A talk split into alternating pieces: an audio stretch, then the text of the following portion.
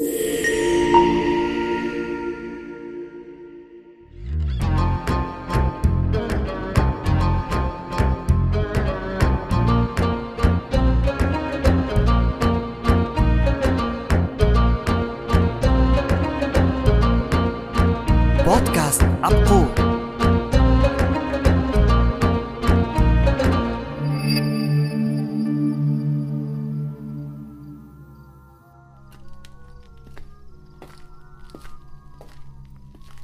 يوم شتوي دافي وبحارة من حارات الشام القديمة. ماشي وعم تسمع صوت ماجد الرومي من القهوة أو المقاهي الخاصة بالحي. يسمعني حين يراقصني كلمات ليست كالكلمات. برن عليك صديقك اللي من زمان ما سمعت صوته. وبيخبرك إنه عرسه اليوم. وإنه نازل على حمام السوق وبده منك تجي تحضر معه يومه. بتروح معه على المكان اللي حدد لك هو وبتشوفه وهو جاي عم يسلم عليك بعد هالغيبة الطويلة. ولك أهلين أهلين أبو سليم أهلين. أهلا وسهلا مرحبا. وينك يا رجل؟ وينك؟ صار لي سنتين ما شفتك. لك وين بدي أكون لك بغل؟ كنت مسافر من بلد لبلد. قسما بالله اشتقت لك. أقسم بالله العظيم اشتقت لك وفجأة بياخدك لتفوتوا تكفوا موضوعكم جوا. انت ما بتعرف شي عن حمامات السوق وبعمرك ما فتوا أو شفت شو في جوا. بس من أول ما وصلت على باب الحمام انبهرت من الباب الخشبي الكبير القديم المزخرف والمرصع بالحديد والخط الدمشقي. بتفوت لجوا لتنبهر أكثر بالمنظر اللي عم يستناك. غرفة كبيرة وسقفها عالي. حيطانة من السيراميك الأبيض وفي نقوشات غريبة باللون الأسود والأزرق. الأرض من الرخام العربي وفي بهاي الغرفة مصاطب أو أماكن مرتفعة عن الأرض بتجمع فيها الناس لحتى يستنوا دورهم. تطلع أنت ورفيقك وبتنتظروا دوركم وخلال فترة الانتظار بيجي شخص بيسألكم إذا حابين تشربوا شي أو حتى تقرقلوا. عفوا يا اخ عشر دقايق بالكتير وبتكون المي عم تغلي غليان.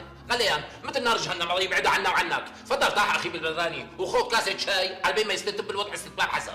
ماشي يا سعيد اهلين وسهلين ومرحبتين يا ميت مرحبا هاي الغرفة أو المكان اسمه البراني. مكان بيجتمع فيه الأشخاص اللي جايين من الخارج لحتى يستنوا دورهم ولحتى يحاسبوا عن اليوم اللي رح يقضوه جوات الحمام. البراني بيكون مكان واسع بتوسطه بحرة شامية فيها ورد وفل وياسمين عم يطفوا على وجه المي. صوت أم كلثوم مع ريحة البخور والبخار اللي عم تطلع من الغرف الداخلية بتعطي الشخص شعور بالراحة والأمان. وبظل هاي الأحداث اللي عم تصير حواليك وصوت الناس والموسيقى والمواضيع اللي ما بتنتهي بينك وبين رفيقك بيجي دورك وبيجي نفس الشخص اللي سألكن عن المشاريب وبيعطيكم مناشف نظيفة وصابون غار دمشقي مع ليفة وطاس نحاس بتفوت بممر ضيق لحتى توصل على غرفة تاني. فيها بتبدل أواعيك. وبتحط أغراضك الشخصية بالأمانات. ومن هاي الغرف تنتقل على غرفة تانية واسعة فيها عدة أبواب كل باب بياخدك على غرفة خاصة تسمى بالحجرات. الحجرات هن غرف صغيرة بتساع من شخص لعشر أشخاص وكل حجرة بيكون فيها إلها وظيفة معينة. بس الشيء المميز والمشترك بكل الحجرات هو الجرن المي اللي بيكون فيه مي باردة وسخنة. والجرن بيكون جرن حجري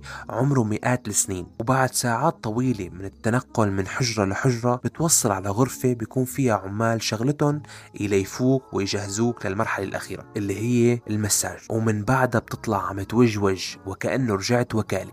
إن شاء الله نعيما مباركا نعيما سلفا مقدما. حمام الهنا إن شاء الله. يا أهلا وسهلا مرحبا. إن شاء الله هيك. الله يلعب عليك يا سعيد خلينا اياك يا ميت مرحبا. أهلا من أفندي. وبعد كل هالعملية بترجع بتطلع على المكان اللي اسمه البراني لتقعد وتريح وتسمع صوت المطرب الشعبي تبع المنطقة. عم يغني ووراه عازف العود.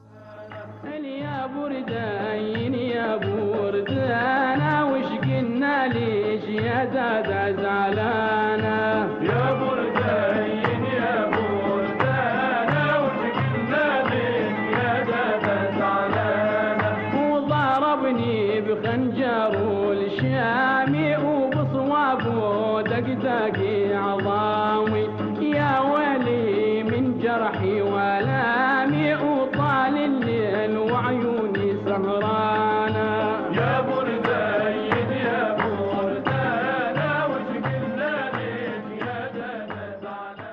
ليكمل مع يومك وتكون زتيت وراك كل همومك وطلعت إنسان جديد. الحمامات الشعبية أو لنكون أكثر تحديدا حمامات السوق الشامية أو المغربية هي على اسمها مكان بتروح عليه لتتحمم وتقضي وقت وانت مسترخي مثل المنتجعات الصحية باللهجة الحديثة. بس نحن ما بنتناول أي موضوع ما بيكون في وراه قصة تاريخية مهمة أو حدث مهم غير مفاهيم كتيرة بالتاريخ البشري. هلأ عزيزي المستمع انت قاعد عم تسمع هالحكي وعم تقول بينك وبين حالك شو هالحكي هذا إنه شو ممكن يكون في ورا هيك موضوع يعني؟ اول عن آخر هذا حمام. عزيزي المستمع الاهوج ما تتسرع مثل العادة. طول لي بالك شوي. بالقرون الوسطى كان أساس أي مدينة عربية ثابت. السوق بالمركز الأول الجامع بالمركز الثاني والحمام الشعبي بالمركز الثالث. الحمام الشعبي كانت الناس تتجمع فيه مش بغرض الاستحمام وبس كان له وظائف أخرى أهم ولكن كانوا بيتجمعوا فيه كمان بسبب عدم وجود الحمامات الخاصة بالمنازل أو حتى بالقصور. الخصوصية كانت رفاهية الشعب غير قادر على تحمل تكلفتها. قبل ظهور الحمامات الشعبية كان الشعب بيتحمم بالأنهر والبرك وهالشي كان يؤدي للغرق أو حتى انتشار الأمراض بين الناس. لهيك مع الوقت ظهر الحمام الشعبي ليكون طفرة بعالم النظافة وكان بنفس الوقت مشروع استثماري ناجح جدا وكان فيه ينباع عضويات للزبائن واشتراكات شهرية وسنوية. والموضوع ما اقتصر على الطبقات الفقيرة أو المتوسطة بل كمان الأغنياء وأصحاب المال والجاه يروحوا يحجزوا الحمام بشكل كامل طوال فترة وجودهم فيه. يوم خصوصي إلهم يكون في شعراء وعازفين وجواري بالحمام ليخدموهم ويسهروا على راحتهم والحمات الشعبية ما اقتصرت على الرجال فقط. بل كمان كان يكون في أيام مخصصة للنساء لحتى يروحوا ويقضوا يومهم فيه بشكل خاص. باختصار الحمام أصبح نادي اجتماعي بس مثل ما ذكرنا سابقا الحمام ما كان بس للاستحمام والترفيه لا كان له وظائف كتير أهم مثل أنه الحمام كان مشفى الناس بتداوى فيه بالطب الشعبي أو صيدلية بتقدم علاج للجرب أو البرص وأمراض الوزن.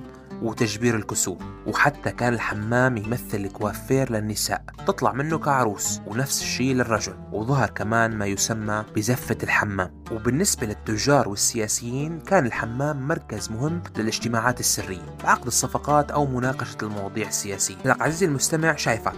وأنت عم تتساءل إنه طيب الحمام صناعة مين؟ هل العرب هن اللي اخترعوه؟ أنا رح جاوبك. الحمام أصله مش عربي بل روماني وكان منتشر جدا بالمناطق التابعة للإمبراطورية الرومانية. ومثل ما بنعرف الرومان كانوا شعوب مهتمين بالهندسة المعمارية جدا. كانوا أشخاص عمليين.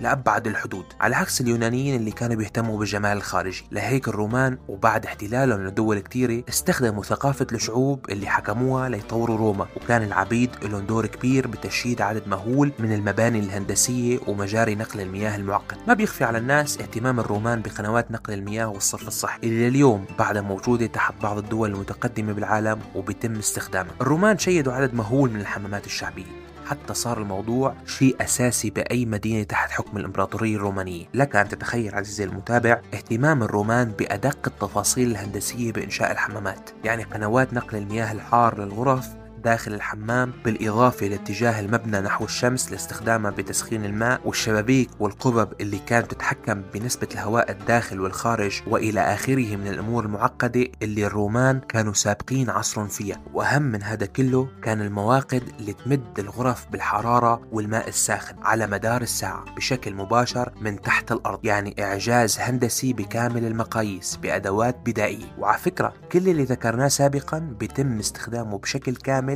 حتى يومنا هذا بأهم المنتجعات الصحية الحديثة بالزمن الحالي. وهلأ رح ننتقل معكم مرة تانية للحضارة العربية اللي استغلت الفكرة الرومانية عن الحمامات وطورتها بشكل كبير بالمجتمع الشرقي. اللمسة العربية ما كانت هندسية معقدة بالبناء لا على العكس تماما. استخدموا نفس الوسائل بالبناء ولكن حطوا عليها اللمسة الشرقية بالتصميم الداخلي وبالديكورات. وسعوا العرب الحمامات بشكل كتير كبير. على ما كانت عليه بأوروبا. وكمان سووا تعديل لأساس الحمام ليتناسب مع عادات المسلمين بالوضوء والطهارة. على سبيل المثال الماء عند المسلمين كان لازم يكون ماء جاري وما كان لازم تكون المياه راكدة مثل عند الرومان أو الأوروبيين. وهالشي بيرجع لقوانين الإسلامية المتعلقة بالطهارة. حتى أن العرب والمسلمين فكروا بأمور دقيقة جدا بتصميم الحمام لحتى يكون محتشم. يعني المدخل تبع الحمام على سبيل المثال كان مدخل عبارة عن بوابة صلبة محكمة وموجودة بمدخل ضيق حتى يكون في خصوصية. يعني الأشخاص العراة داخل الحمام ما لازم يكونوا مكشوفين على الخارج. وطبعا ما فينا ما نذكر أهم سبب اللي بيخلي فكرة الحمام فكرة قابلة للتنفيذ. بالزمن القديم مثل ما بتعرفوا ما كان في كهرباء ومولدات بتسخن المي ولا كان في ألواح طاقة شمسية. فمن وين كانت تجي المي السخنة؟ هون رح نكشف الستارة عن الاختراع اللي اسمه الموقد أو بيت النار. بما أنه ما كان في وسائل حديثة مثل اللي ذكرناها سابقا فلجأ أصحاب الحمامات للنار وبنوا شيء يدعى بيت النار اللي من خلاله كانوا يحرقوا القطن والخشب وحتى الفضلات العضوية ليمدوا الحمام بالمي الحار. وكان في أسلوب هندسي مهم جدا بالبناء بحيث المواد المستخدمة للحرق ما تأثر على نظافة المكان. يعني فيكم تقولوا أنه عزلوا المواقد اللي بتمد الحمام بالحرارة بشكل ممتاز بحيث ما يكون في أي أثر سلبي على البيئة المحيطة بالحمام. وبما أنه عم نحكي عن الحمام والنظافة الشخصية وإلى آخره رح أخذكم بجولة مرة تانية بالعصور الوسطى. بس هالمرة الوجهة رح تكون فرنسا. حياتكم مرقتوا بشارع وقلتوا إف شو هاد؟ ما عاد رح نمرق بحياتنا من هذا الشارع. ليه كيف منظره وريحته طالعة والوسخ معبيه مش بحي من أحياء فرنسا؟ لا فرنسا كلها. بناسها وملوكها كانت فرنسا تسمى مزبلة أوروبا. الشعب والأمراء والملوك ما بيهتموا كانوا بأي مظهر من مظاهر النظافة. الحمام شيء ما كان موجود بقاموس الفرنسيين أساسا. لك حتى ببعض المصادر اللي وصلنا لها شفنا أنه الحمام والاغتسال كان بمنزلة الكفر عند الفرنسيين والأوروبيين وما بيجوز غير ببعض المناسبات اللي بينعدوا على الأصابع. حتى في قصة شهيرة عن زيارة مبعوث روسيا القيصرية للملك لويس الرابع عشر ملك فرنسا ووصفوا أنه ريحته بتشبه ريحة الحيوان البري. متخيلين؟ طبعا الموضوع ما غريب يعني. لأنه بمعتقدات الأوروبيين والفرنسيين بتلك الفترة كانوا يعتقدوا الحمام بسبب الأمراض وخطر على الإنسان. لك حتى في ملكة عاشت طول فترة حكمة وما تحممت غير مرتين بحياتها وقصتها انتقلت من جيل لجيل كأسوأ ملكة وأقلهم نظافة واللي هي إيزابيلا ملكة قشتالة. اللي كانت تحارب المسلمين بالأندلس. حتى بحسب مصادر تاريخية عربية وغربية كانت الملكة إيزابيلا تأمر الجيش والجند بتدمير الحمامات الأندلسية في حال سقطت أي مدينة عربية تحت إيدهم. وبالفعل هالشي صار. لما خسروا الأندلسيين بعض المناطق لصالح جيش إيزابيلا. وهدول الأمثلة للملوك والأمراء اللي ذكرناهم ما بيجوا نقطة ببحر القوانين اللي حطوها ملوك أوروبا للحمام والنظافة لأنه بإسبانيا كان في ملك اسمه فيليب الثاني اللي منع الاستحمام بشكل كامل على فرنسا. وبنته اللي إجت بعديه اللي ما كانت أقل عفونة من والدها لدرجة إنه ماتت بسبب البكتيريا والجراثيم اللي انتقلت لها بسبب قلة الحمام. وإذا انتقلنا لأمريكا وخاصة بأول مراحل اكتشاف أمريكا بتصادفنا معلومة عن الهنود الحمر كيف كانوا يحطوا المواد العطرية على أنوفهم لما يتصادموا مع الغزاة الأوروبيين وهالشي ممكن يوضح لكم لأي درجة كان الأوروبيين سيئين الصيت بموضوع النظافة وبحسب مؤرخين أوروبيين استمر الوضع بأوروبا على هذا المنوال حتى صار في بينهم وبين العرب تواصل مباشر بالأندلس. ومن بعدها بلشوا يلاحظوا عادات الأندلسيين المتعلقة بموضوع النظافة وبلشوا شوي شوي يقلدوا المسلمين ويتوجهوا على قرطبة لحتى يجربوا الحمامات الأندلسية اللي كان عددها بيتجاوز ل 300 حمام. ومع مرور الوقت والزمن ومع حسن حظ جيوب العالم صار عنا حماماتنا الخاصة. وشوي شوي تحول الحمام الشعبي لرمز من رموز الجيل القديم وبطل فيه الاهتمام الكبير عليه. وإجت وسائل حديثة مثل المنتجعات الصحية والسبا وغرف الساونا لتنهي عصر الحمام الشعبي. وصار الحمام يستخدم للعروض التلفزيونية بشهر رمضان ليتم تذكير الناس بالبيئات المجتمعية السابقة. بس مع هذا كله ما فينا ننكر إنه الحمام الشعبي كان له أثر تاريخي كبير ممتد من روما والأندلس وصولا للشرق الأوسط وأفريقيا وكان حجر الأساس لتطور المنتجعات الصحية اليوم. وبنهاية حلقتنا اليوم حاب ودعكم وأقول لكم إلى اللقاء بحلقة جديدة من بودكاست عبقوب لا تنسوا تشتركوا بقنواتنا على يوتيوب وإنستغرام وجميع منصات الاستماع. إذا حابين تعرفوا أكثر عنا زوروا موقعنا الإلكتروني اللي رح نترك لكم رابطه بأسفل الوصف. وهلق مع السلامة.